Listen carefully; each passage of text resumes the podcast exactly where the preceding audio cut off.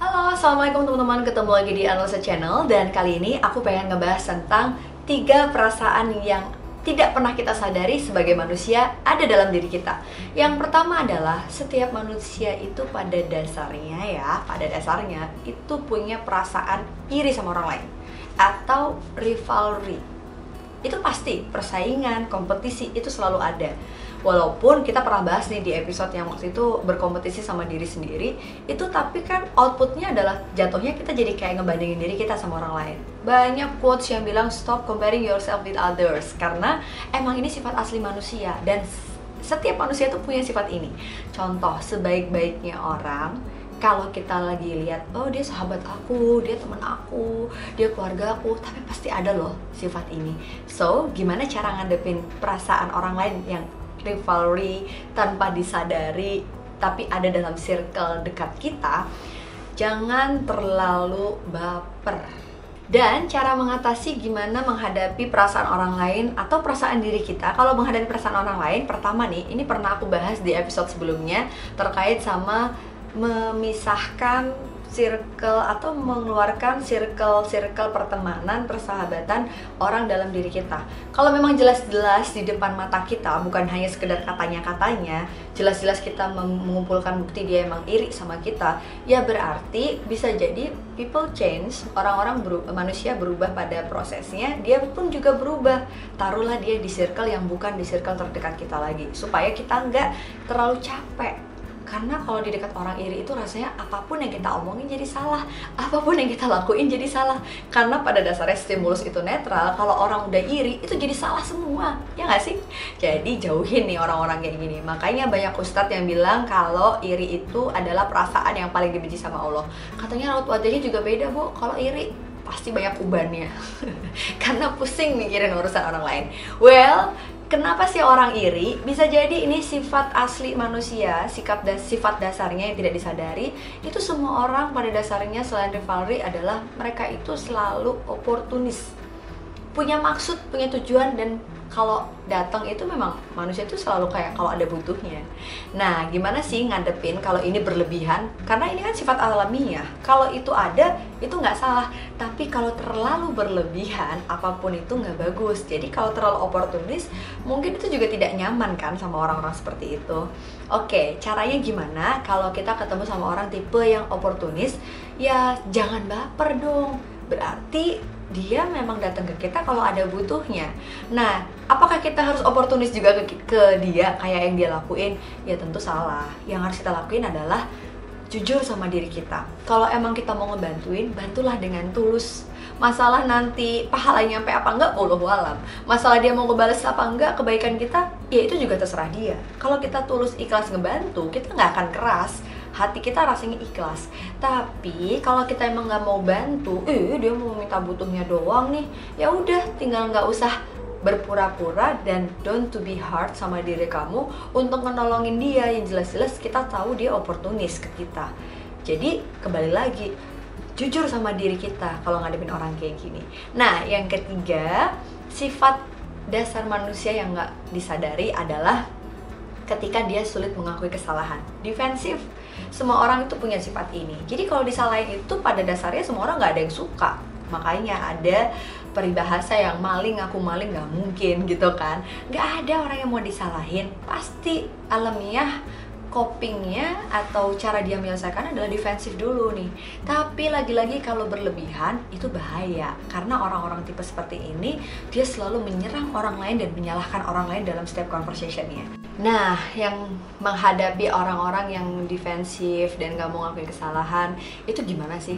Agak berat nih jawabannya ya.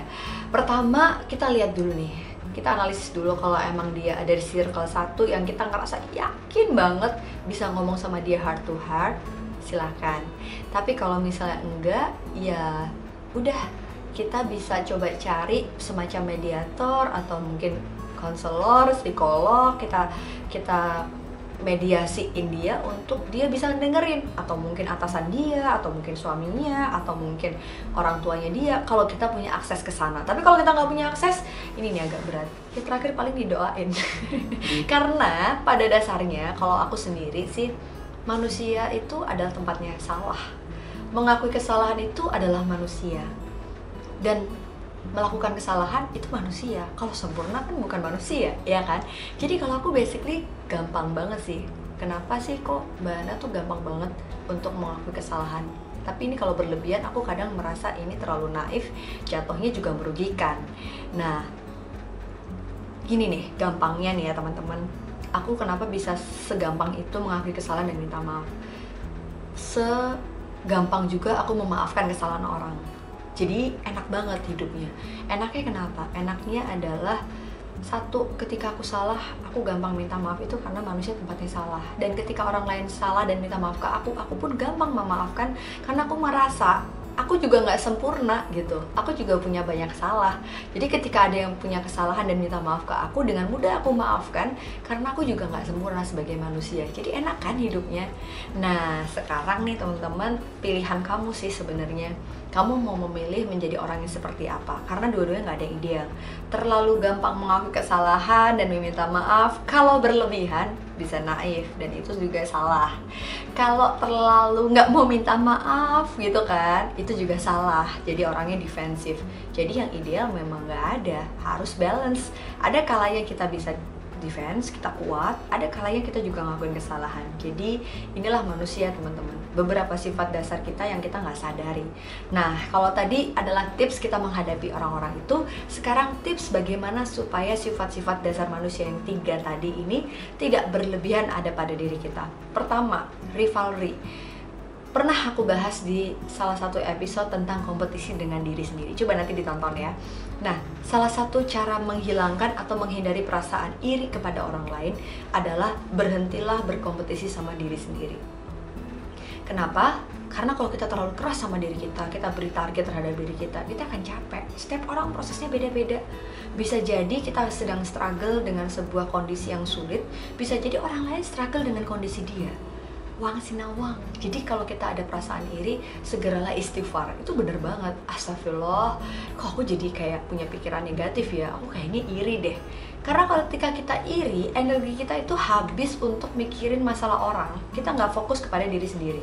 Nah yang kedua gimana caranya supaya kita tidak menjadi orang yang terlalu oportunis?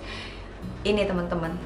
Kalau kita menyadari bahwa semua orang itu kan ada maunya ya, ada butuhnya. Jadi kita sadarin aja, harus take and give. Jadi kalau kita sudah mendapatkan sesuatu, kalau bisa kita balikin lah, kita bales lah kebaikan dia. Itu cara supaya kita tidak terlalu menjadi orang yang too oportunis, terlalu oportunis.